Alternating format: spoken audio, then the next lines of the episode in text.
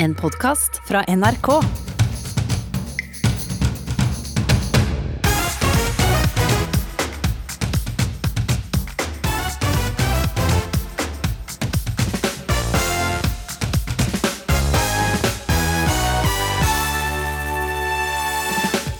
Mange ble sjokkert over at lovens lange arm grafser på politistudenter.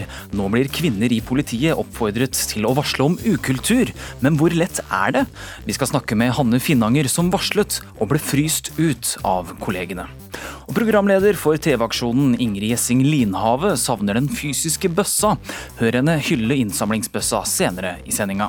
Jeg er en liten jente som sitter her med lille bøssa mi.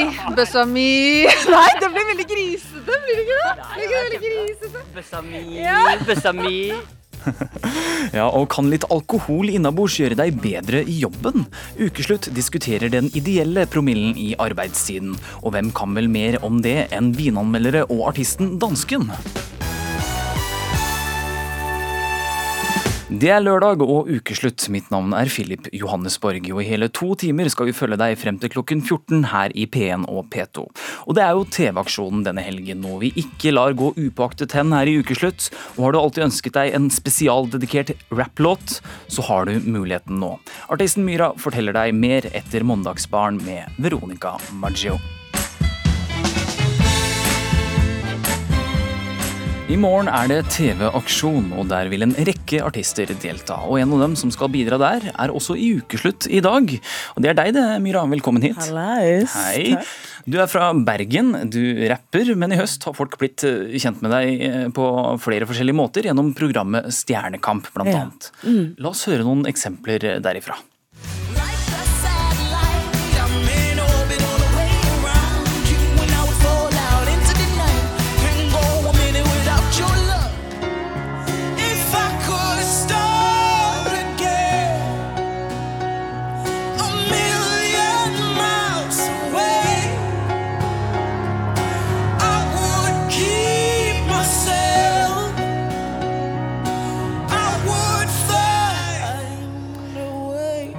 Ja, Mila, jeg sa jo at du var eh, rapper, men eh, her har du også sunget en del. Har du fått mer lyst til å synge etter Stjernekamp? Det, det har jeg absolutt. Jeg var jo veldig nervøs for å begynne å måte synge, i hvert fall foran Altså, Jeg hadde jo ikke sunget særlig i utgangspunktet, og når jeg først da skulle synge, så ble det liksom foran 600 000-700 000 mennesker på, på en lørdag. Um, men det ga meg eh, Det var en god smak i, i munnen etter, liksom. Uh, så nei, jeg har Ja. Det var en god opplevelse. Du fikk sansen for det, rett og slett? Jeg fikk sansen for å synge litt. Eh, Selv om jeg elsker, jeg elsker jo det jeg gjør, jeg elsker å rappe, men eh, kanskje dynamisk og fint. Og Du skal jo da opptre i TV-aksjonen i morgen, mm. hvor inntektene går til Verdens naturfond, også kalt WWF, som skal bruke pengene til å bekjempe plastforurensning i havet. Hva syns du om det? Du, det syns jeg først og fremst er det en ære å være med på. Um, jeg syns at det er det er jo ikke alltid lett å vite hvordan, man, hvordan og hva, og hvordan man kan måte, ta mer initiativ og initiere, eh, mer. Um, så for min del så uh, føler jeg og håper jeg at det blir en, på en, måte, en informativ og lærerik dag, samtidig som jeg måte, eh, eller har spilt og vært, ja, vært- med på, på noe så fint. da. Em, så jeg håper på å lære mye. Um, for jeg må jo innrømme at jeg kildesorterer jo og resirkulerer og Men du gjør det, altså? ja, jeg gjør det. Ja, ja, ja. Det, det har jeg lært meg, folkens. Um, men likevel så er det ikke alltid like lett å vite hva, man, hva mer man kan gjøre, da. Men grunnen til at du er her i dag i ukeslutt, altså en dag for tidlig vil noen kanskje si, det er at du har sagt deg villig til å gi bort eh, din egen musikk. Tenk det, vet du. Altså, Det er jo ikke verst. Det var litt sånn på tampen, og så sa jeg noe, ja, og jeg er jo veldig glad for det. Jeg er veldig villig til å auksjonere bort en rapp. Um, det blir spennende da, å høre hvordan, hvordan den blir. Ja, for Poenget er altså at du skal fremføre en rapp for mm. lytterne våre. eh, Og det skal da være til ære for en eller annen lytter som har eh, sendt inn eh, penger til WWF. Ja. Eh, Kan du røpe noe om rappen allerede nå? Det vil jo være en, en heders Altså, no, noen skal hedres her i dag, holdt på å si. um, eh, så jeg, jeg må skredders- skreddersy Jeg har jo begynt å skrive på den, men jeg må liksom skreddersy den litt. Grann, til, til det enkelte mennesket, holdt på å si. Mm. Ja, jeg kan jo informere lytteren her om at eh, du kan allerede nå være med i denne hva skal man si, loddtrekningen, hvor da en heldig person får dedikert en rapp fra Myra. Mm. For å få dedikert en Myra-rapp, så går du inn på spleis.no og søker opp ukeslutt. og Der gir du da penger til WWF, og så sier du også hva du heter, slik at vi kan få kontakt med deg og kanskje dedikere da en låt til deg. Og eh, Det vil skje i slutten av sendingen, altså nærmere ti på to. Vi får se. Er du spent på hvor mye du har vært, Myra? Det var en merkelig formulering, men jo, jeg er spent på hvor mye jeg er verdt, ja. Vil du komme med et anslag nå, eller? Nei. Jeg håper jo, altså Jeg eh, oppfordrer jo eh, alle til, til å gi så, så mye de, de kan, og jeg har hjerte til å gi. Um, og så er jo det en Det blir jo en fet rapp, liksom. Um, så jeg, eh, jeg tror det kan bli Ja, gi. Gi masse. Det blir spennende å se. Gå inn på spleis.no eller sjekk DAB-feltet for mer informasjon. Nå får vi New Light med John Mayer.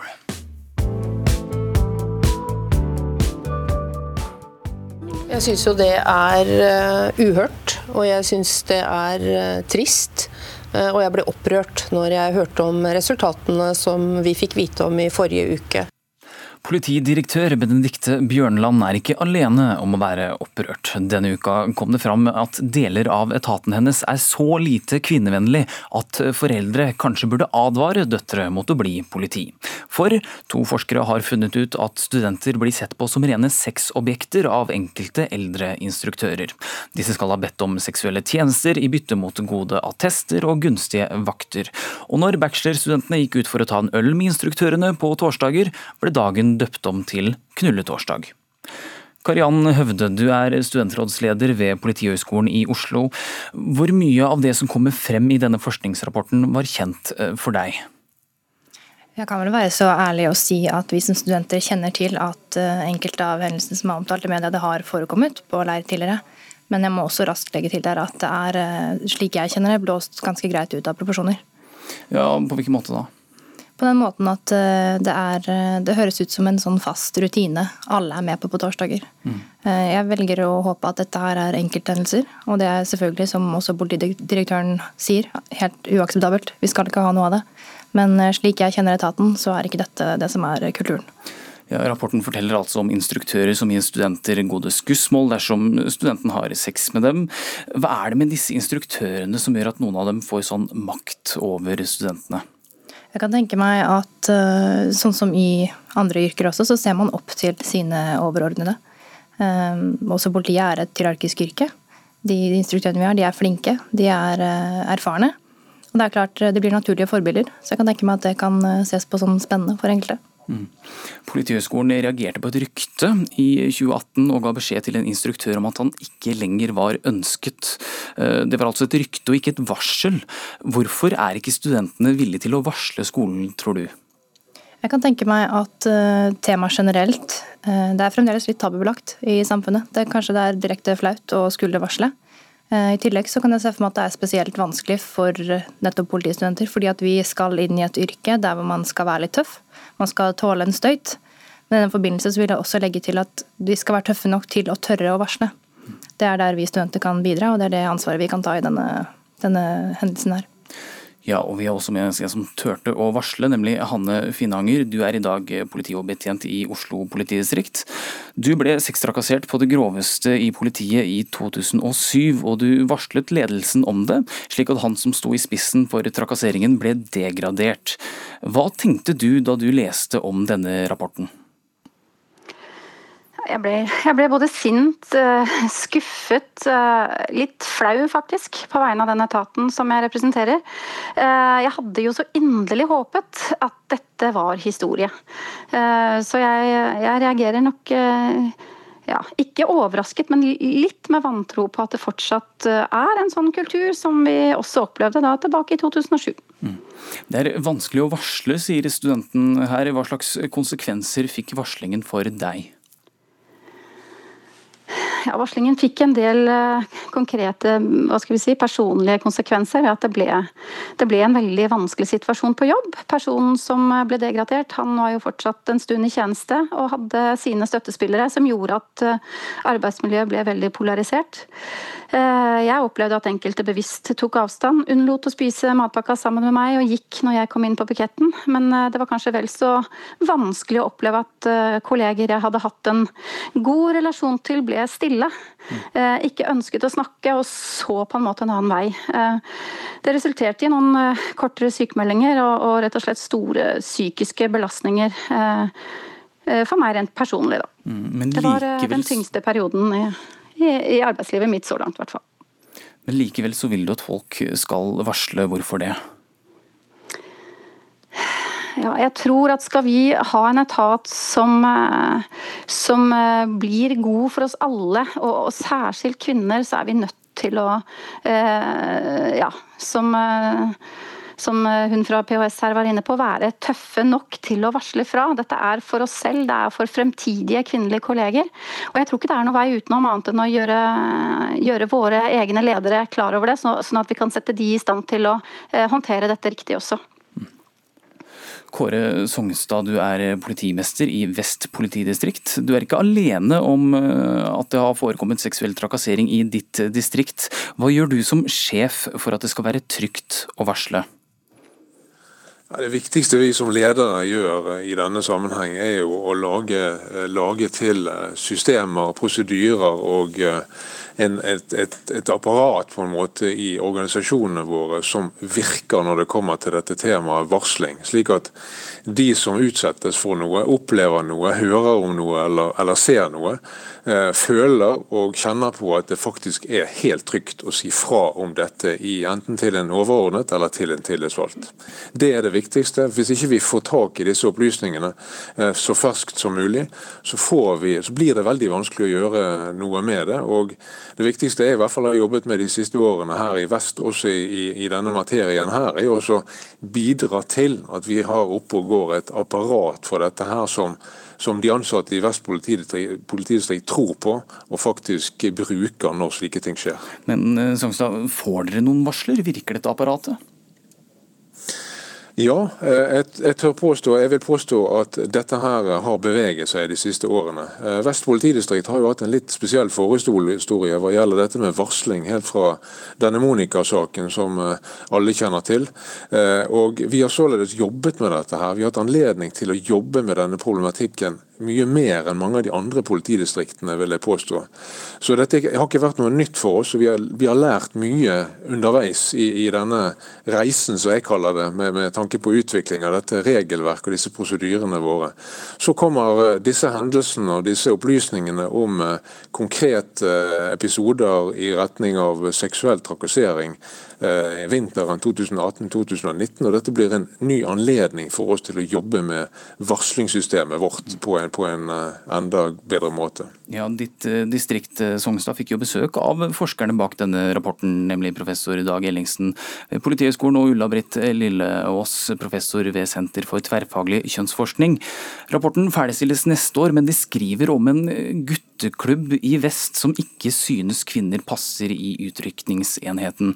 Hvorfor er dette en kultur i enkelte deler av politiet, tror du? Ja, det er riktig. De, de gjorde undersøkelser hos oss eh, for eh, ja, nå blir det vel snart to år siden. og Vi fikk disse opplysningene eh, overlevert etter hvert, fordi disse forskerne syntes dette var såpass alvorlig at de måtte få vite om det. Det er opplysninger i den kategori som du nevner. og det er, det er spesielt å høre dette. og Det er jo selvfølgelig beklagelig at det er sånn, men jeg tror det går an å lage noen forklaringer på hvorfor det blir sånn i en, i en politikultur. en litt lukket kultur, og i en kultur der kanskje det største problemet er at det er så stor ubalanse mellom kjønn i de enkelte deler av organisasjonen, med en stor stor andel menn kontra, kontra kvinner. Så Det er mange forklaringer på det. Kulturelle ting, historiske ting. Eh, dårlig ledelse kanskje over tid i noen av disse enhetene. Mye som vi kan ta fatt i og gjøre noe med. Ja, Kariann Høvde, sentralsleder ved Politihøgskolen i Oslo. Du har jo selv vært på leir og drukket eh, torsdagsøl. Hva tenker du må gjøres for å minimalisere risikoen for nye maktovergrep? I utgangspunktet så skulle jeg ønske at eh, vi alle, og da spesielt instruktørene som stilte er stilt til ansvar i denne saken, var eh, oppegående nok til å oppføre seg Men eh, kanskje løsningen blir å forby både alkohol og sosiale tilstelninger. Men eh, det hadde vært fint om man slapp å ta det steget, da. Tusen takk for at dere var med i Ukeslutt, Kariann Høvde, Hanne Finanger og Kåre Songstad.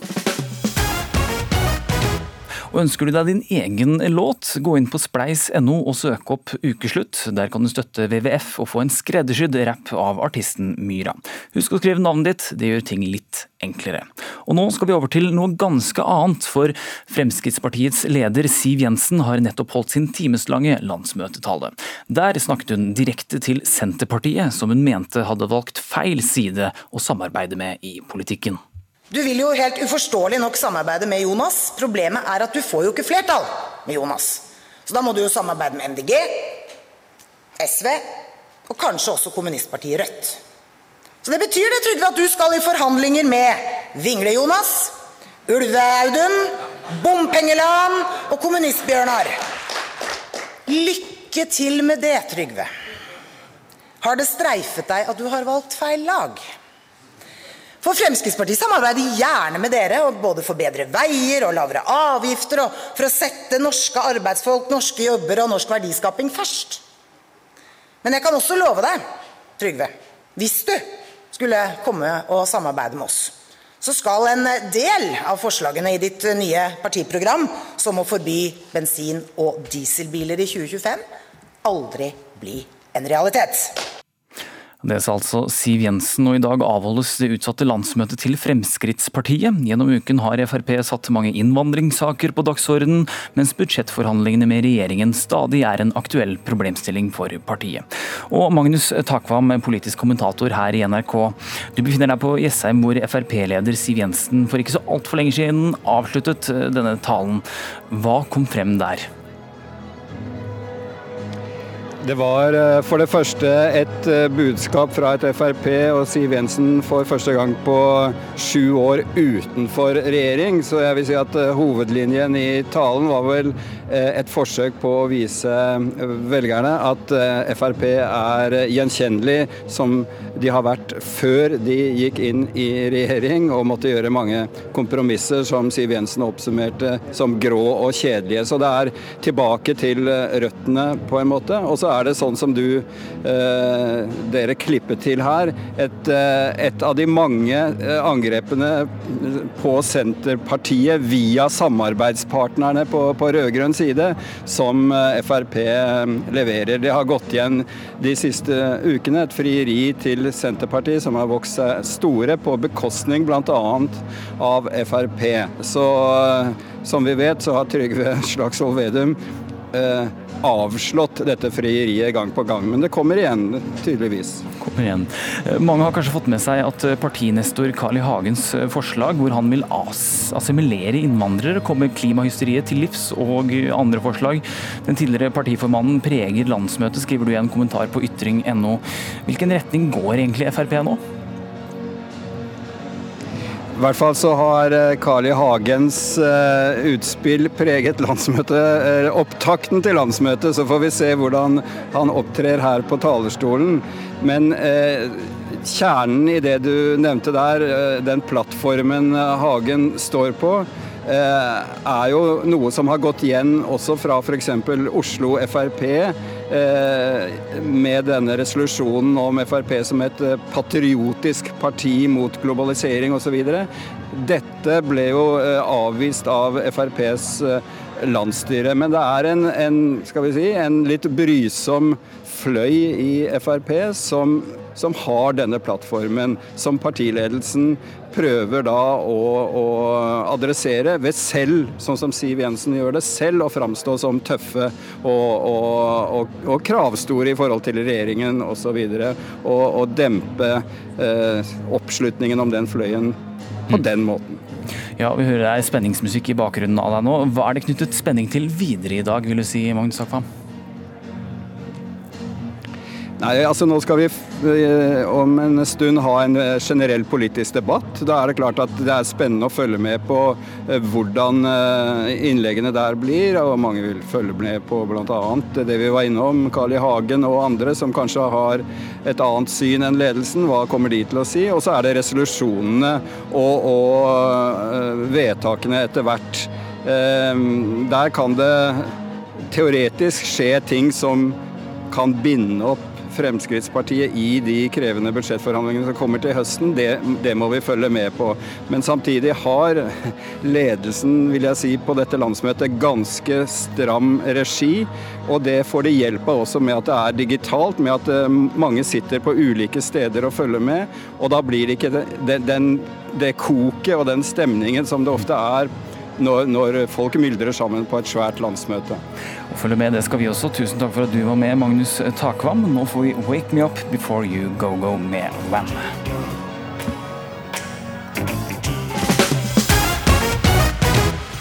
Du lytter altså til ukeslutt, og det er ulovlig å være ute etter klokken 21.00 i Frankrikes største byer.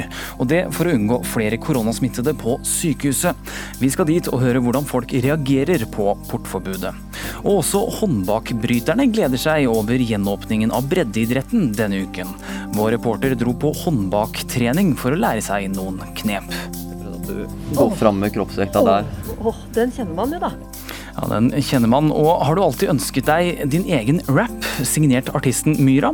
Du har fortsatt mulighet til å delta på ukeslutts innsamling til WWF på spleis.no. Vi trekker ut en heldig vinner etter klokken 13.30. Denne lyden her har du kanskje brukt å høre? Eh, Dette er da TV-aksjonens bøsser og klirrende mynt og sedler i bøssa når ivrige bøssebærere går rundt fra dør til dør og ringer på, det er velkjent. Men i år er det bare digitale bøssebærere, som kanskje da banker på i sosiale medier. Programlederne for TV-aksjonen kommer til å savne den fysiske bøssa, men er klare for å tenke nytt. Jeg prøver å samle inn penger, ja. Jeg samler inn penger fordi Fordi Ja, det er så flaut! Ja, Det er god stemning når programlederne for årets TV-aksjon, Ingrid Gjessing Linhave, Mikkel Niva og Robert Stoltenberg, leker seg under prøvene i studio. Og siden inntektene i år går til arbeidet mot plast i havet, er også studio dekorert i et slags blågrønt undervannstema. veldig veldig maritimt. Det var noen som påstod at det, at det var liksom, eh, holdt på å si baderomsgardiner som jeg hadde tatt med hjemmefra, som var utgangspunkt for dette, men det er det ikke. Fakta om havet har Robert Stoltenberg lest seg grundig opp på. Havet gir oss så utrolig mye. Det gir oss mat, arbeidsplasser, rekreasjon. Det er en så mirakuløs, forunderlig verden, og vi kjenner bare til 5% av det som foregår i havet. Ingrid? Yes, sir! ja, men det, jeg, blir så, jeg blir imponert, og så blir jeg stolt av det. Nesten så jeg blir liksom At jeg føler at jeg Hør på sønnen min! Men å forberede årets TV-aksjon har likevel vært litt som å svømme mot strømmen, forteller programleder Ingrid Gjessing Linhave. Ja, det er jo det er jo en motvind pga. denne pandemien, da, det må jo sies. Altså, det er jo knotete eh, å skulle prøve å vise problemområdene når, må, når vi sitter stagnert i Norge. Koronapandemien satte en stopper for både reportasjereiser til utlandet og innsamlingsbøssa som skulle bli med fra dør til dør. Vi, kommer i mål, men det kanskje aller verste i år, det er jo at vi har mista den fysiske bøssen. Fordi ikke bare er den med på å samle inn penger, men den er, har en sånn funksjon som er så utrolig viktig, som TV-aksjonen alltid har med som en sånn Altså det er jo et, en ekstra funksjon TV-aksjonen har, det er jo at frivilligheten der ute skaper jo også et ekstremt samhold. Og det er jo nesten en kur mot ensomhet, og det er med på å inkludere flyktninger inn i lokalsamfunn. Altså Den har så mange funksjoner, den bøssen, så det er veldig trist. Så selv om det på en måte er en, eh, en skikkelig gladnyhet for de som er ekstremt late og hater å bevege seg, og som ikke bruker skritteller, de kan nå sitte på rumpa og samle inn penger, så er det kjipt. Så den savner vi veldig, da.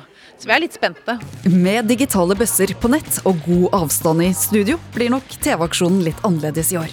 Så hvorfor ikke la seg inspirere av deres rampete lillesøster P3-aksjonen?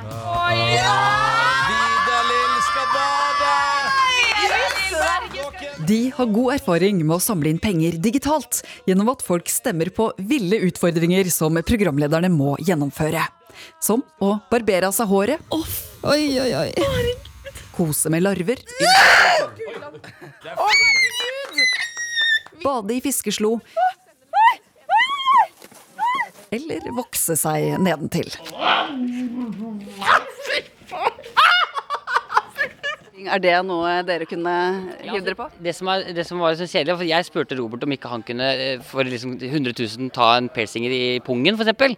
Men da sa han at det har han allerede, så det var liksom ikke noe Det var liksom ikke noe Så, så jeg har jo prøvd, men det er liksom vanskelig å Det er vanskelig å finne ut av det, rett og slett. Ja. Ja, programleder for TV-aksjonen, Mikkel Niva, har eh, nok av kreative ideer. Hvis, jeg, hvis det er noe jeg skulle ønske jeg kunne fått sett, eh, så ville det vært at eh, Robert og Ingrid måtte lage en video, en, en låt hvor de rapper og er kule, og lager musikkvideo.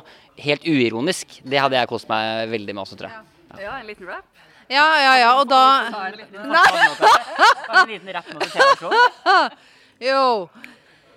Jeg er en liten jente, sitter her med lille bøssa mi. Bøssa mi Nei, det blir veldig grisete, blir det ikke det? Blir ikke det veldig grisete? Bøssa mi, Ja. bøssa mi. Ja. Ja, veldig bra. Ja, men dette blir en hit. Ja, ja. Bøssa mi. Bøssa Ja. mi, bøssa mi. Se her, så er det noe blå greier. En liten blå plastbit dukker opp i grusen og minner oss om alvoret ved årets TV-aksjon når Caroline Andør, generalsekretær i WWF, Verdens naturfond, besøker bystranda på Tjuvholmen i Oslo. Så denne plastbiten her, den er sånn typisk som dyrelivet får i seg. Ja, I år går TV-aksjonen til deres arbeid for å bekjempe plast i havet. Men litt brusing i vannet har det blitt, for eh, 32 kommuner har sagt at de ikke vil delta i årets eh, TV-aksjon. Nei, Det syns jeg jo først og fremst er leit. Eh, og det handler jo om at noen kommuner er veldig uenige med WWF på hvordan vi jobber med rovdyr. Eh, og det er jo frivillig å være med på TV-aksjonen, men jeg tenker at det årets TV-aksjon det handler jo om å bekjempe plastforsøplingen, som vi alle er opptatt av, og vi ønsker alle et rent hav.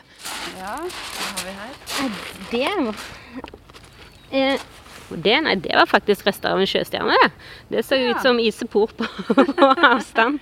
Selv om også kongen, som høy beskytter for årets TV-aksjon, er sykemeldt, og bøssene pga. smittevern må være digitale, så opplever hun likevel ikke at de har hatt noen dårlig start på årets TV-aksjon. Jeg vil ikke si det, nettopp fordi at eh, med disse kanskje noen som har boikotta oss ved at eh, saken er midt inni eh, treffer en tidspunkt der folk bryr seg mer om miljø, fordi at en er blitt mer klar over hvor stort problemet er, så tenker jeg at vi har mobilisert i lang tid. Eh, veldig få har hørt om TV-aksjonen som tidlig som de har gjort det i år. Så jeg tenker jo at vi har egentlig fått en bedre start enn ganske mange. Jeg. Her snakker vi! I Oslofjorden dykker Jeanette, en av Robert Stoltenberg sine karakterer, og finner både hvitvin og sexleketøy i vannet. Alt dette fant vi på havets bunn. Se på denne dildoen, da! Det var artig. Det som er gøy når du jobber med Robert, er at du får både Robert, men så får du så mange andre karakterer også. Så du får på en måte, Vi er på en måte Ingrid og meg, og så sånn fem-seks andre folk også, på en måte. Og det er veldig deilig. Jo, men det er deilig, for Når du drar på opptak, så er det sånn Ja, men her kan jo Jeanette være, så kan jo kanskje presten dra til gjøre det. Altså, det er liksom Det blir veldig rikt, da. Tilbake i det blå studio på Marienlyst er programlederne for årets TV-aksjon spente på hvordan den digitale innsamlinga vil påvirke resultatet. Og jeg tror det blir en veldig sånn fin stemning i landet. Altså, dette er en viktig aksjon, og jeg tror særlig de unge er veldig med oss. da. Så vi får bare håpe at de som syns at Vips og Spleis er vanskelig, at de ringer 822 08 008. Eller vipser til, vipser til 2133. Robert, nå må du gå, for du skal ha prøver. Ja, Ja, Vi har ikke men jeg sto og prata faktisk nå! Så. Ja, vi har ikke tid til Og sånn. dere to må ha avstand. Ja, det er, ja. altså, det, er jo, det er jo radio. Vi holder lang avstand. Vi er ikke i nærheten av hverandre i det hele tatt. Ja, og reporter her, det var Line Forsmo. Vi skal til Frankrike. Det du hører her er lyden av Paris ca. rundt sånn 21.30 i går kveld. Og den lyden er det nok kanskje lenge til du får høre igjen, for klokken tolv i natt ble det innført portforbud i de ni største byene i Frankrike, da inkludert Paris. Det betyr at over 20 millioner mennesker ikke får lov til å bevege seg utendørs fra klokken 21.00 på kvelden og frem til klokken 6.00 morgenen etter. Og Ingrid Bergo, du er journalist i den franske avisen The Local og bosatt i Paris. Hva er grunnen til at Frankrike nå har innført disse ganske så strenge reglene? Eh, ja, dette er et forsøk på å virkelig redde sykehusene før situasjonen blir så ille som det den var i mars, før vi gikk inn i en fullstendig lockdown. Eh, I de to siste ukene har sykehustallene på covid-pasienter steget utrolig raskt i Paris, særlig i de store byene. da.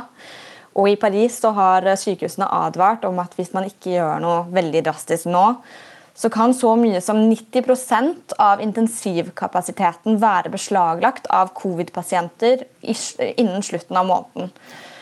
Eh, Så håpet nå er virkelig at portforbudet kan redusere det som nå er veldig høye smittetall. Frankrike registrerer nå rundt mellom 20 000 og 30 000 nye smittede per dag. Og det er veldig høyt, selv hvis man tar med i regningen eh, at de tester mye mer enn før. Hvordan er det for en vanlig franskmann å akseptere dette portforbudet? Ja, For det første så blir det jo å spise middag tidligere enn det man er vant til her i Frankrike. da. Folk spiser som regel ikke middag før eh, åtte-ni-tiden, særlig ikke i helgene. og De liker å gå på restaurant. Men eh, foreløpig så virker det som om franskmenn stort sett aksepterer det egentlig som et slags nødvendig onde for å unngå en ny runde med nettopp en fullstendig lockdown. Ja, man må begrense sosialt liv om kvelden, men man kan likevel bevege seg fritt resten av dagen. Meningsmålinger har vist litt forskjellige tall. Som regel så ligger støtten for portforbudet på rundt 60-70% på nasjonalt nivå. Og det er ganske høyt. altså. Det er en støtte f.eks. president Emmanuel Macron kunne sett eh, langt etter. Så det virker som om folk skjønner hvorfor vi nå skal gjøre dette for å eh, begrense smitten. Men det er ikke bare Frankrike som sliter. Nå varsler også Belgia, Storbritannia, Tyskland og flere om mulige nedstengninger fremover. Og Espen Nakstad, assisterende helsedirektør i Helsedirektoratet. Hvordan er smitten i Europa akkurat nå? Nei, Det ser dessverre ut til å kunne bli en ganske dramatisk høst i Europa. Eh, ikke like alvorlig enda som i mars, men på full fart eh, mot en sånn situasjon. Vi så f.eks. For forrige uke at eh, smittetallene økte med 34% Bare i går så var det 137 000 nye smittetilfeller i Europa.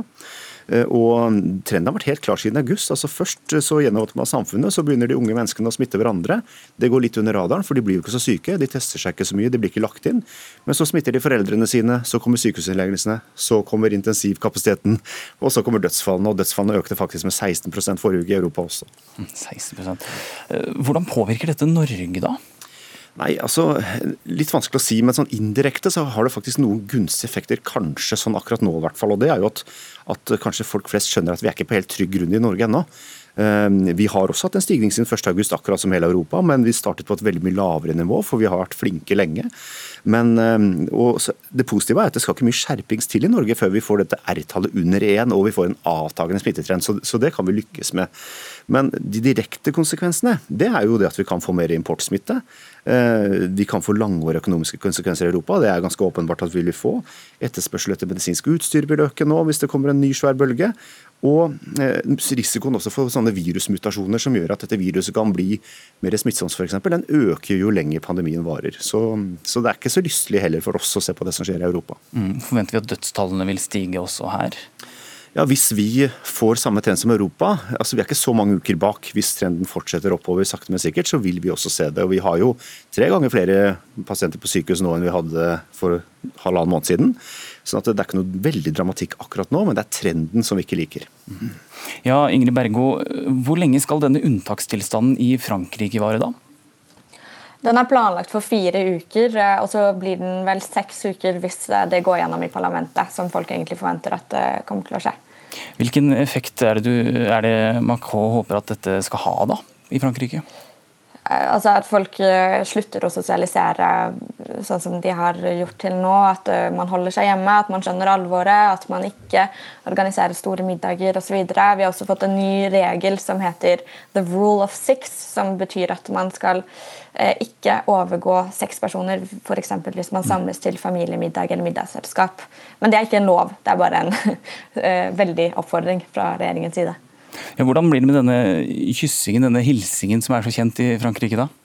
Ja, Det har vi slutta med for lenge siden. Det, det ga de seg med eh, da, det begynte, da smittetallene begynte å gå oppover i mars. Så den labis, som det heter, det har folk eh, lagt litt på hylla her. I hvert fall mesteparten. Ja, Nakstad, Det er ikke lenge siden vi begynte å snakke om den andre bølgen altså i Europa. Hvor tøff blir egentlig den høsten? Nei, Den kan bli veldig tøff. Jeg tror kanskje det blir litt ulikt i ulike land i Europa, men det er klart nå er folk slitne. ikke sant? Altså disse, Denne stigningen skjer jo med en situasjon med ganske mange tiltak. Likevel så stiger det. Helsepersonell er slitne og lei. Mange er sykemeldte ute i Europa også på sykehusene. Det har vært en tøft halvår. Og viljen og evnen til en sånn full lockdown sånn som vi hadde i mars, den er ikke til stede politisk i mange land.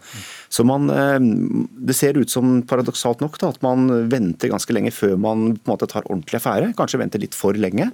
eh, Når man blir nødt til å gjøre det, rett og slett. Og, og det ser ut som denne bølgen nå kanskje blir kanskje ikke like bratt og høy som i mars nødvendigvis i alle land, men det kan bli veldig langvarig fordi det tar lang tid å snu denne smittetrenden. Mm. Tusen takk for at du var med i Ukeslutt, Espen Nakstad, og tusen takk for at du var med, Ingrid Bergå. Myra, vi er over 3000 kroner inne i eh, ja, innsamlingen akkurat nå. Ja, og du har begynt å skrive litt på eh, rappen din allerede. Det har jeg. Kunne vi fått en liten smakebit, eller? Ja, vi kan, ja, jeg kan på en måte nevne at jeg har noe med litt sånn spleis. Det jeg syns er fascinerende, er at meg og den jeg blir å rappe til, blir jo bundet på en måte. Um, så det vil jeg jo uh, ja, presisere i rappen. Så det blir en veldig personlig greie med det mennesket, da. Men det er noe WWF her inni, og så snakker jeg litt sånn fra hjertet, da. Og hva jeg syns om, om giverhjertet til, til det andre mennesket som jeg blir å rappe til. Hvis det, finnes, hvis det finnes flere giverhjerter der ute, så kan dere gå inn på spleis.no og søke opp ukeslutt. Og så kan det hende at dere da får en liten skreddersydd rapp av Myra her. Denne uken dukket opp et lite brukt uttrykk da utenriksminister Ine Eriksen Søreide ga Russland en attribusjon for dataangrepet mot Stortinget i august. Dette er jo, som dere vet, en veldig alvorlig hendelse som har ramma vår viktigste demokratiske institusjon. Våre sikkerhets- og etterretningstjenester sitter sammen i Felles cyberkoordineringssenter og både sammenstiller informasjon og gjør analyser. Det er de analysene vi baserer vår beslutning på, og de analysene er tydelige. Så er det for oss viktig å holde Russland ansvarlig. Det er fordi denne type hendelser er veldig alvorlige. Og det er viktig og en utvetydig reaksjon fra norsk side at vi offentliggjør denne attribusjonen. Det er altså første gangen regjeringen går så langt som å gi russerne ansvar for et lovbrudd, og reaksjonen fra russerne derimot er mer som den pleier å være, de nekter for å ha gjort datainnbruddet. Jan Espen Kruse, NRKs korrespondent i Russland. Hvordan reagerer russiske myndigheter på at Norge holder Russland ansvarlig for dataangrepet? Eh, russiske myndigheter er ganske kategoriske. De sier at eh, dette er en provokasjon mot eh, Russland. Norske myndigheter har ikke lagt fram noen bevis for at Russland skal ha stått bak dette her. Og det kommer regelmessig slike angrep og slik kritikk og slike anklager mot russiske myndigheter, blir det sagt fra det russiske utenriksdepartementets talskvinne i denne saken. Så det, det er veldig sterke og, og, og klare reaksjoner. Mm. Men president Putin har kanskje et litt annerledes forhold til hackere? Ja, for et par år siden så sa han at uh, hackere de kan sammenlignes med kunstnere. De er frie sjeler, sa president Putin. Og, og hvis disse hackerne er patriotisk innstilte russere, så gjør de kanskje da noe mot eh, dem som omtaler Russland på en eh, dårlig måte. Men presidenten understreker samtidig at det på ingen måte er den russiske staten som har noe med disse hackerne å gjøre. Mm. Det ble jo påstått at den russiske etterretningstjenesten GRU har en rekke hackere som angriper mål i utlandet. Hva vet du om dette? Ja, Det er først og fremst dette russiske nettstedet Insider sammen med en britisk-amerikansk lignende som heter Bellingcat, som har gransket dette. her. De driver med undersøkende journalistikk. og De har funnet fram De, de hevder at GRU, den russiske militære etterretningen, har en egen gruppe som holder på med dette. her. De viser til en 30 år gammel mann som heter Dmitrij Badin. Han er etterlyst både av tysk og amerikansk politi for dataangrep. Bl.a. et angrep mot det tyske parlamentet. Og han brukte i, i, i sin tid navnet Scaramucci. Som er navnet på en klovn i 1500-talls komedier i Italia. Og, og, dette nettstedet Insider de har døpt han for klovnen fra GRU. Det er de som har liksom kommet opp med dette litt fancy navnet. og De har gått inn på sosiale medier og mange forskjellige andre steder og satt sammen informasjon. Og, og mener de har dekning for at uh, russisk militær etterretning holder på med dette. Ja, Norge har jo denne uka i tillegg til å gi Russland skylda for dataangrepet frontalangrepet sluttet opp om EUs sanksjoner mot russerne etter forgiftningen av opposisjonspolitiker Aleksej Navalnyj. Navalny. Hvor kjølig vil du si Russlands forhold til Norge er nå? Ja? Jo, det er ganske, det er ganske kjølig. Altså, Talskvinnen til det russiske utenriksdepartementet sa til NRK at eh, forholdet mellom Russland og Norge er deprimerende dårlig. Eh, og denne saken gjør at eh, forholdet blir enda dårligere, sa hun. Og det er jo ganske, altså I internasjonalt diplomati så er jo det ganske kraftige karakteristikker. og eh, Det sier vel litt om dette forholdet. Og i tillegg så er jo russerne veldig veldig opptatt av disse store Nato-øvelsene som Norge er med på, og, og som holdes i nordområdene temmelig nær russernes store militærbaser på Kolahalvøya. Eh, Det er eh, i tillegg til disse andre sakene noe som virkelig forsurer forholdet mellom de to landene. Vi har også med oss oberstløytnant og professor ved Forsvarets høgskole, Tormod Heier. Det kjølige forholdet til Norge er ikke noe som startet denne uken akkurat, men hvorfor er det blitt så kaldt, syns du? tenker du? Ja, nei, si det. Det er mange svar eh, på det. Vi hadde jo en veldig stor optimisme da den kalde krigen sluttet og Sovjetunionen valgte å oppløse seg selv, at uh, russerne skulle vende tilbake til sin fetter i vest. Uh, Boris Jeltsin ringte jo til Natos generalsekretær i 1996 og lurte på når Russland kunne få lov til å bli medlem i Nato. og Det samme gjorde jo Vladimir Putin, som den første som ringte til George Bush etter terrorangrepene 2001 og lurte på når de kunne bli medlem av Nato. Men gradvis utover på 2000-tallet så så vi vel det at vi, verken russerne eller europeerne, klarte å bli skikkelig gode venner og skape en felles hva vi kaller for noe, en sikkerhetspolitisk arkitektur der alle ble hensyntatt. Istedenfor så så vi et, et Russland som stadig vekk trakk seg tilbake til seg selv. og og det hele kulminerte vel egentlig med Krim-anneksjonen i 2014, da ikke bare Norge, som hadde hatt øynene opp for den russiske selvhevdelsen eh, siden nærområdeinitiativet til Stoltenberg II-regjeringen i 2005. I 2014 så, så jo også resten av Europa at nå måtte man vende tilbake til eh, sine egne nærområder for å balansere kanskje opp mot dette alternative makt senteret som Russland gradvis etablerte, fordi de selv mente at de ikke fikk lov til å bli med i resten av Europa. Så det er en lang eh, tradisjon her. En Lang tradisjon. Men likevel så mener du at det var smart av norske myndigheter å holde Russland ansvarlig. Hvorfor det, Heier? Ja, det er sjelden jeg håper å si, si meg enig med det norske myndigheter av og til gjør i forhold til Russland, men her må jeg virkelig si meg helt enig. Jeg syns det var en veldig klok avgjørelse å være tydelig. Og det er fordi at det, Sett med russiske øyne så blir man bare respektert og hensyntatt i internasjonal politikk hvis man viser ryggrad, hvis man viser integritet og setter seg i respekt. Og det har norske myndigheter virkelig gjort i, i denne saken her. sånn. Man kunne jo, fordi russiske cyberangrep mot uh, norsk uh, samfunnskritiske infrastruktur og institusjoner, det er jo langt ifra noe nytt. Det har de holdt på med veldig lenge. Men aldri så har norske myndigheter tatt bladet fra munnen og sagt ifra klart og tydelig. Vi har bare tatt det på bakrommet. Nå gjør vi det, og det sender et veldig sterkt signal om at det, nå er linjen nådd. Det å angripe og stjele informasjon fra landets uh, høyeste folkevalgte demokratiske organ, det er rett og slett uakseptabelt. Så jeg tror Norge på mange måter her sånn setter seg litt i respekt og sier klart fra at dette er uakseptabelt. Og det, sett med russiske øyne, det tror jeg også på en måte blir litt respektert. Mm. Hva tror du vil skje nå da, fremover, Heier? Jeg tror at uh, forholdet mellom øst og vest uh, fortsatt vil bli dårligere, før det eventuelt vil bli bedre. Og ser vi i et langt perspektiv, så har det jo alltid vært endringer, perioder med veldig kalde perioder og mindre kalde perioder. Og nå er vi inne i en liten kald periode, og så vil det gradvis bli bedre igjen om noen år. Men jeg tror fremdeles det vil bli litt verre, før det kanskje gradvis blir bedre. Mm. Tusen takk for at du var med, Tormod Heier, og takk også til deg, Jan Espen Kruse. Spleisen vår er nå oppe i over 7000 kroner, og du kan fortsatt stikke av med en skreddersydd rapp av artisten Myra. Du finner den på spleis.no, bare søk opp ukeslutt, for rundt halv to er da siste sjanse til å bli med i denne dugnaden. Ja, og er du en av mange som føler Altså, beklager, men er du en av mange som føler deg litt bedre når du har ett glass med alkohol innabords? I den nye danske filmen Et glass til gjør fire lærere altså alvor ut av en såkalt teori om at folk flest er født med 0,5 promille for lite. Jeg må sige, jeg kunne da godt bruke en halv promille på daglig basis for å få litt mer selvtillit. Det har vi da alle sammen brug for. Det har du da også brug for. Jeg synes, det er spændende.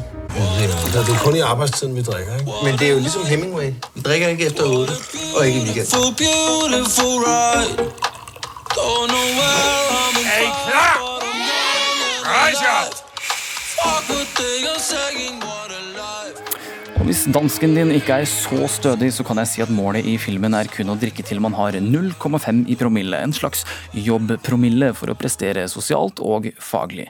Men funker det? Hvem er vel bedre til å snakke om alkohol i arbeidstiden enn artist fra Klovner i kamp, Espen Dansken Selvik, og vinanmelder i Dagens Næringsliv, Merete Bø. Velkommen til ukeslutt. Og Espen, aka Dansken da, Selvik, dette er jo en dansk film, men er det egentlig noe nytt at dansker tar seg en pils i lunsjen? Nei, det er vel egentlig ikke noe veldig stor nyhet, egentlig. Altså, jeg kan kun snakke ut fra egen erfaring, men uh, altså, jeg husker godt uh, mekanikerne til morfaren min, som hadde et bilverksted og ny og, ny og brukt bilsjappe. De begynte ikke å jobbe før den kassa med øl sto klar inn på lunsjrommet. Og da jeg var sånn sommerjobbgutt nede på verkstedet, så var det fast greie om morgenen. Ut med longjohnen og så hente en ny kasse med øl. Og det var ingen som lurte på om den bilen var trygg når de leverte den i verkstedet og mekanikeren kom ut med tresko og en pils i hånda. Det var helt innafor. Hvilken forskjell har en effekt på 0,5 i promille, tror du? Ja, det tror jeg er veldig individuelt, og det er veldig avhengig av hva du skal gjøre. Jeg ville ikke stolt på en kirurg med 0,5 i promille, men eh, en artist derimot, han kan fort gjøre en bedre jobb. Ja, for du er jo også artist eh, og har eh, prøvd dette her. Men jeg tenker vi kan først snakke med deg, Merete Bø. Du er vinanmelder i Dagens Næringsliv. Ja. Folk flest tror vel at det er en fest å være vinanmelder, for da kan man både drikke på jobb og få betalt for det samtidig. Ja, det er veldig mange som overrasker når jeg sier at jeg spytter alt. Gjør det? Ja. Så kjedelig. Ja.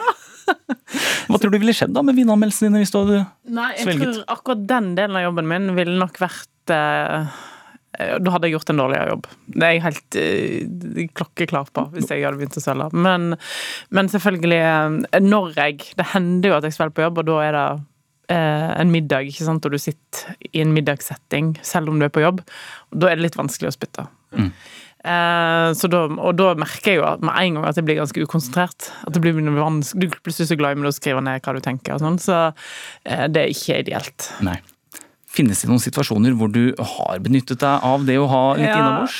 Jeg har jo, um, før jeg begynte som vinjournalist, så uh, jobba jeg som vinkelner, og da konkurrerte jeg som vinkelner.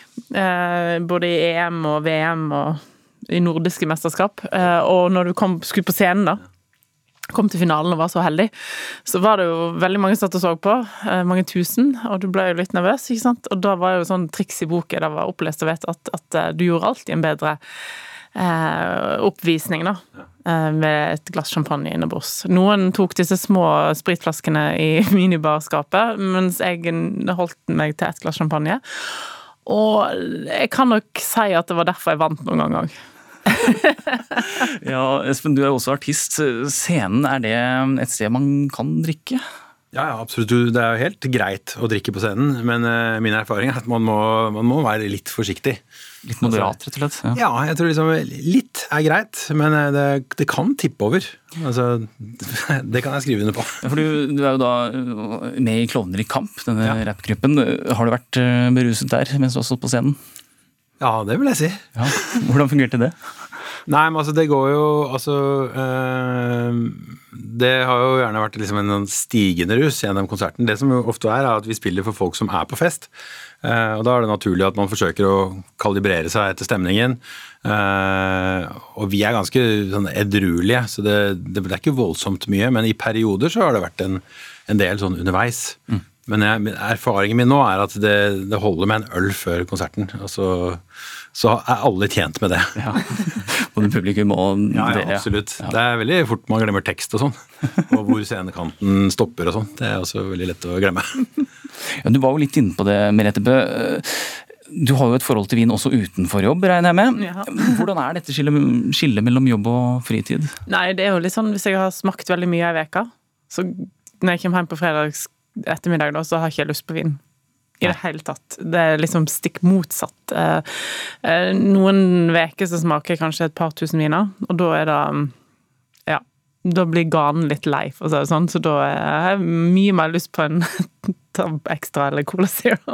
Så det var et ganske kjedelig selskap. Kan jeg spørre noe? Altså, hvis du smaker på 1000 vin i løpet av en uke, Ja. og du, du spytter ut, Ja. du må jo få litt promille? Nei, jeg har testa det flere ganger. Du gjør ikke det, altså. Gjør du ikke det? Eh, selvfølgelig, hvis du har alkohol i munnhulen og blåser, så vil du jo få et utslag på 0,1 eller noe sånt, men du har jo ikke Hadde du tatt en blodprøve, så hadde du nok ikke merka det. Men eh, hvis du da tar et glass vann, og så venter du litt, så forsvinner jo den, da. Så, eh, og du er liksom aldri frista til å drikke heller i jobbsammenheng, på en måte. Det er liksom, du er veldig sånn Dette er jobb. Mm. Ja. Du har også en vanlig jobb, eh, Espen Selvik, eh, som partner i bedriften Klynge. Hvordan ville det tatt seg ut der om du tok en øl i lunsjen, tror du? Nei, det hadde, det hadde vært veldig rart. Eh, Da tror jeg mange hadde reagert. Eh, i, i, inkludert meg selv. Altså, jeg har vært i settinger hvor man er ute og spiser lunsj med kunder, eller sånt, og så er det noen som da setter en øl på bordet, og det har jeg skjønt, det skal jeg bare ligge unna. Fordi da er ikke kroppen klar for det. Da blir man bare svimmel og rar og uvel. Så det er veldig sånn situasjonsbetinget, tror jeg, da, når, når det der er greit og ikke. Mm. Ja, så På kvelden så går det kanskje greit, men på morgenen så går det ikke så Ja, altså Med bandet så er det noe litt annet, ikke sant? for da er vi i en helt annen type setting. Og eh, det er en annen type oppgave vi skal løse. Da handler det om å slippe seg løs, miste litt kontroll.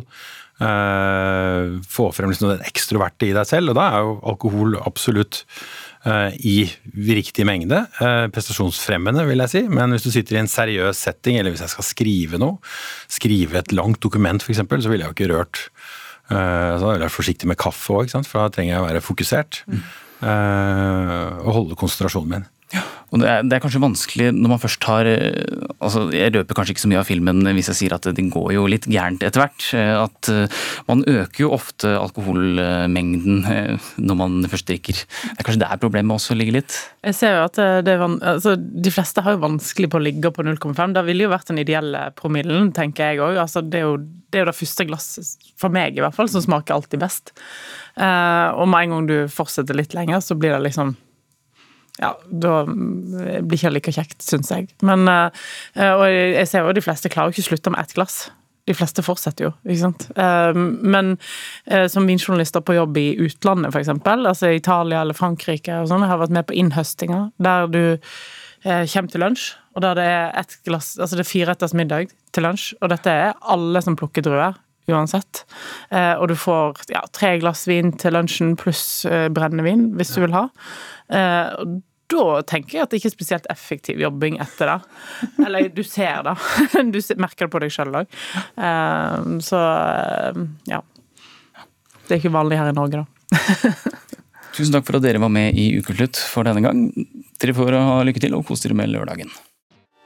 Endelig var det klart for at også breddeidretten skulle få lov til å trene igjen. Mandag sprang massene ut på fotball- og håndballbaner, mens de få vendte tilbake til håndbakbordet. Et drøyt halvår uten håndbaktrening merkes i både hender og armer. Men er formen til Petter i Norges Bryteforbund nå såpass redusert at reporter Linn Beate Gabrielsen har en sjanse? Du må ha et godt grep på motstanderens hånd, da, og rett og slett kan du kontrollere hånda til motstanderen, så, så vinner du kampen. Håndbakutøver Petter Bjørli får det nesten til å høres lett ut å vinne i håndbak. Eh, du kan ta, ta det, det du tror er det beste grepet på hånda mi. Jeg skal ikke ta i, så bare Og hvordan er det? Jeg vet jo ikke hva som er sånn. Liksom. Ja, pekefingeren oppå tommelen. Sånn. Jeg har aldri vært god i håndbak, men så kan jeg jo knapt reglene, og har bare gjøvet løs og satsa på at bicepsene mine skulle fikse det. De fleste tenker at du må ha en gedigen biceps. Det er jo feil. Du må ha styrke i, i fingre og håndledd.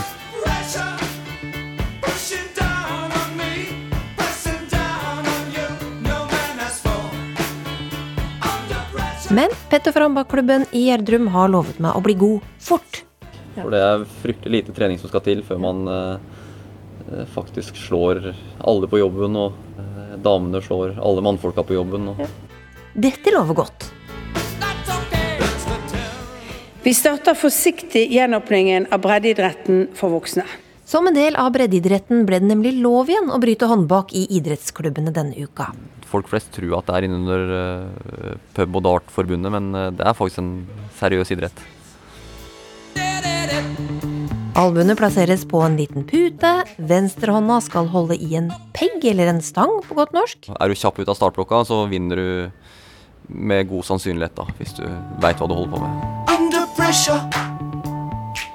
Men selv om Petter Døhle ikke ser ut som skipperen, så innser jeg at fiskepuddingene mine ikke kan hamle opp med han. Så jeg prøver å fiske etter hva som kan psyke ham ut. Ja, det må være en eh, kasakhstaner som er to meter høy og 60 cm eh, store over- og underarmer og eh, har jobba i steinverket hele sitt liv og kan rett og slett bare knekke hånda mi hvis den vil. da. Men eh, nei, det må være hvis du møter de på bordet som er ekstremt lynraske. Du ser bare kalken ligger igjen i lufta etter at de har eh, starten har gått, og da, da er det lett å bli psyka ut, syns jeg. Not, here I come. You can't hide. Føler kanskje ikke at jeg har noe psykisk overtak på Petter heller. Men også noe av det sånn eh, verste for psyken, det er jo de som eh, hele tiden sier at, eh, at du jukser da, hvis du, hvis du bøyer hånda eller, eller sånne ting. Da, de som ikke kjenner til reglene, men som har ja, brutt hjemme på, på gården eller på puben i hele livet sitt og, og har null kjennskap til verken regler eller idretten. da. Jeg tror jeg begynner å få en strategi på plass her. Og så ta i alt du kan. Ja, og så, og så Ja, jeg tar i, og så skal jeg liksom Ja. Og så kroppsvekta di. Ja, ok. Så setter jeg inn støtet. Jeg har liksom tenkt at det er juks jeg, å bruke hele kroppen. Ja, det er det mange tenker at det er eh, juks. Og det er litt lettere når du står på et håndbakbord og skjønner at det ikke er juks, da. Jeg tror at du går oh. fram med kroppsvekta der. Åh, den kjenner man jo, da. Ja, den, den- er jo ganske vond i Den, den kan være litt ekkel, og den kan jo nesten gå rett imot motstanderen. Ja. Men det må sterkere krefter til for å slå Petter. Selv om eh, klubbkompis Hassan Shazad påstår treningsforbudet har svekket ham. Hvis man har ikke trent for åtte måneder, så jeg føler meg veldig svak. Er, det en bra utgangsposisjon, da? Ja. Du er dommer, så du må se det. Ok. Ready, go. Hassan er et godt grep her nå. Da må jeg si takk. Takk for kampen. Sånn kan det gjøres. Nei, han var ikke så rask som før. Han er kjemperask, så jeg forventa at han skal uh, dra elbo, eh, armen så fort, men ikke den. Og så, du vet, uh, vi tenker ikke om tap.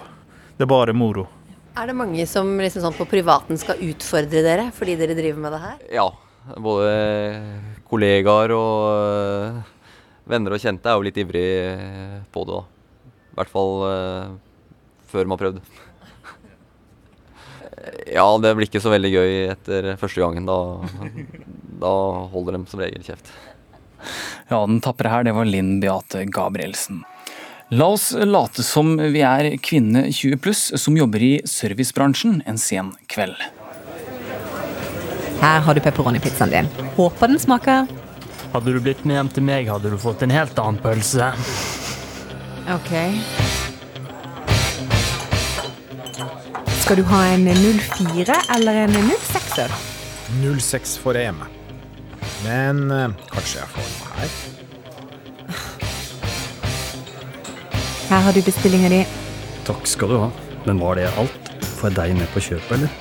Veldig fint med de røde leppene. Nesten så jeg må lene meg inn for et kyss. Ja, ok. Ha en eh, fin kveld, da. Ja, alt som ble sagt her, eh, altså, er eh, noe som unge kvinner har opplevd når de er på jobb i servicebransjen. Og det fikk deg til å reagere, det, Karoline Forberg. Du er 20 år og har jobbet i servicebransjen i en årrekke, og skrevet kronikken 'Kjære mann 40 pluss, ta deg sammen'. Hva slags situasjoner er det du har opplevd? Mm, Det er veldig mange situasjoner. Eh, Jeg har jobba siden jeg var 14 år, eh, så det er alt fra kommentarer til eh, ufrivillig berøring og ja, bilder, til og med. Mm. Trakassering, vil du si. Ja, det ville jeg oppleve det som, ja. Mm. Og den trakasseringen, er den da utelukkende fra menn over 40, som du skriver? På den måten, så ja. Det er klart at folk på egen alder også viser interesse, hvis jeg kan si på den måten. Men uh, ofte der, da, ut fra hva jeg har opplevd, hvert fall, så er det en helt annen fremtoning. da. Mm. Hva, er det de, hva er det disse mennene da ofte sier eller gjør? Er det noen gjennomgangere? Det er uh, kommentarer på utseendet, da, og det I noen tilfeller så er det jo hyggelig å høre at man er vakker. Men å høre at man er digg, eller har en veldig flott kropp, eller eh, at man rett og slett er bare digg da, fra topp til tå, eh, den er eh, litt ekkel å få noen ganger. Det er det, absolutt. Hvorfor er det så vanskelig å bare si ifra, da? I hvert fall når jeg har jobbet alene på natt, så er det vanskelig å si ifra. fordi ofte da så Du står jo ganske dårlig i den kampen, hvis jeg kan si det på den måten. Meg versus en mann på 40 år, den taper jeg jo, først og fremst. Eh, og så i tillegg så er det jo da den aldersforskjellen, rett og slett, om at eh, vedkommende er jo like gammel som faren min. Eh, Så det er veldig u... eh, Jeg blir veldig utilpass, rett og slett. Eh, Ja. Fridtjof Jansen, eh, medeier og daglig leder i Bar Bocca i Oslo. Du skrev en kronikk tilbake til Karoline her. eh, 'Mann 50 pluss svarer', heter den. Eh, Hva var det du følte du trengte å svare på? Eh, nei, Først og fremst så syns jeg det var en veldig bra kronikk. Og at det er veldig bra at de tinga der blir tatt opp. Det jeg liksom mest reagerte på, var et par uttalelser om at man eh, følte at man ikke kunne si fra fordi man var redd at folk ikke skulle komme tilbake til eh, stedet og sånn. Og det jeg da umiddelbart tenkte, var at jo, vær så snill. Bare be dem komme seg ut, og håp at de aldri kommer tilbake. Fordi den type gjester det er aldri noe særlig å ha eh, på stedet du driver. For det første så er det jo helt uholdbart å drive og, og, å være seksuelt trakasserende overfor andre mennesker. Period. Eh, For det andre så er det jo også eh, veldig ofte at den type folk eh, går også på de andre gjestene. og andre gjester vil jo da tenke at de kanskje ikke vil komme tilbake til det stedet. Så da mister du de isteden, og det er jo bad for business. Så eh, alt i alt så er det sånn Det er bare Det er ikke noe vits å ta hensyn til dem på noe som helst måte. Men som Karoline sier her, Det er jo vanskelig å si fra når du er 20 år og det er en eller annen mann på 50 år som driver og trakasserer deg. Ja, det skjønner jeg også. Og ikke minst innafor eh, restaurantbransjen, så er jo, som jeg er fra, da, så er jo tempoet veldig ofte høyt. Og hvis du skal ta en konflikt med en full 50-åring, så kan det fort eh, trekke ut, og de andre gjestene blir sure fordi du ikke får gjort eh, jobben din ordentlig. Sånn at det, det er jo viktig å, å liksom påpeke det at det er ikke et ansvar som jeg ønsker å legge på Men du vil jo likevel at de skal si fra? Jeg vil, jeg vil jo det, men det må være deres eget valg. Det er ikke noe som en arbeidsgiver skal si at det må du gjøre. Men vi setter pris på det, fordi det er klart Altså, eh, altså de grensene, det er det, det er det de som veit hvor ligger, og der må de på en måte Det må de sette sjæl, da. Eh, og, og det viktige er at, at arbeidsgiver støtter dem fullt ut da, i, i, når de gjør det. Og det er bra for oss at de gjør det, for all del. Ja, Karoline Forberg, hvorfor sier ikke bare fra til arbeidsgiver, da? Eh, Det er jo ofte de gangene når jeg har opplevd det, så er det ingen arbeidsgiver der. Eh, Og for det andre, så den kommentaren, den kommer der og da. Eh, Så da må man jo rett og slett bare stå i det. Mm. Eh, Og jeg kan jo ikke akkurat forvente heller at arbeidsgiverne mine skal være på jobb hele tiden. Eh, Det er veldig, veldig fint om det blir et tema som alle vet om på jobb, da, at man liksom snakker om det og kanskje har det med i opplæringen. Den er jeg helt med på. Men jeg vil absolutt ikke legge det ansvaret over på arbeidsgiverne. For det er jo ikke de som seksuelt trakasserer, det er jo disse mennene. Og det er der jeg føler debatten burde ligge. da. mm. Så da kaster vi den debatten videre til menn 40 pluss, er det ikke slik vi sier? Tusen takk for at dere var med i Ukeslutt, Karoline Forberg og Fridtjof Jansen. Og nå har vi altså avsluttet vår egen Myra-aksjon her i Ukeslutt. I starten av sendingen så auksjonerte vi bort en rapp fra artisten Myra, og som, som dere har bydd, kjære lyttere. For inntektene går direkte til å bekjempe plast i havet for WWF, som er TV-aksjonen denne dette året. Og vi har fått inn mer enn 10 000 kroner. Hva syns vi om det, Myra? Det er helt sykt. Jeg skjelver nesten her jeg sitter. Bare, det er jo helt vanvittig. Tusen takk til alle som har gitt, eh, men jeg kjenner jo på presset, da. Ja, du gjør det? Ja. Jeg gjør det, absolutt. Hvordan, er det, hvordan har det vært å lage en rapp på styrten her? Det har ikke vært eh, så veldig lett. Det er jo veldig, Når jeg da skal liksom dedikere den til noen, så vil jeg gjerne se på de og kanskje kjenne de litt. Men eh, jeg tror, eh, jeg tror det, det går fint. Ja, Du tror det går ble, det ble noe. Ja. Det ble noe. Hvem er det som er vinneren, kan du si det? Du, vinneren ble Hanne Siri. Og hvis, eh, jeg, hvis jeg forsto det riktig, så var hun fra Bergen, og det er jo bare enda diggere. Mm. Um, så jeg vil gjerne dedikere rappen min til Hanne Siri eh, fra Bergen. Da skal du få noen beats her, og så setter vi i gang.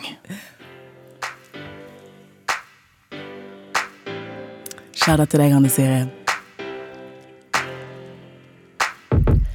Gud, du er så skjønn, ja, jeg må si du er så grei. Tenk at du har vunnet, du har gitt inn på spleis. Nå er Vito nesten bundet, og det henger ikke på greip. Nå tar jeg et steg, denne her er kun for deg. Dobbel WF, du er tøff, du er teft. Og om jeg snakker rett fra hjertet, må jeg si du er best. Ekte, ekte stjerneskaper ditt univers. Du gjør hverdag til fest. Tenk at vi ble en match. TV-aksjon kan kun bli bedre fra nå. Må kanskje streve litt, men det er sånn vi redder vår jord. Må la de plantene gro, må la det havet være stor. Du må ikke gjøre alt aleine, det er godt vi er to. Under, under, du gjør verden litt vidunderlig. For du er et under, under. Det er utrolig som du gir og gir. Denne er for Hanne Siri, Siri. Denne er for Hanne Siri, Siri. En applaus for Hanne Siri, Siri. Du er mata-Hanne Siri, Siri. Tusen, tusen takk, Hanne Siri. Myra. Det var, det var nydelig. Det var mindre enn to timers arbeid. Og Hanne Siri var da den heldige vinneren, men tusen takk til også alle de andre som var med og hva skal man si, aksjonerte i denne sammenheng. Og takk til deg, Myra. Ja, Da var nok en ukesluttsending over for denne gang, og jaggu meg klarte vi ikke å samle inn over 10 000 kroner til å bekjempe plast i havet. Og med et slikt engasjement så kan vi vel alle kalle oss vinnere, selv om det var Hanne Siri som stakk av med rappen. Ansvaret for sendingen det var Kari Li, teknisk ansvarlig var Hanne Lunås, og i studio det var meg, Philip Johannesborg. Og fikk du ikke med deg hele sendingen, så lytt til oss på podkast, da vel. Det som gjenstår nå å si, er god lørdag. Du har hørt en podkast fra NRK. Hør flere podkaster og din NRK-kanal i appen NRK Radio.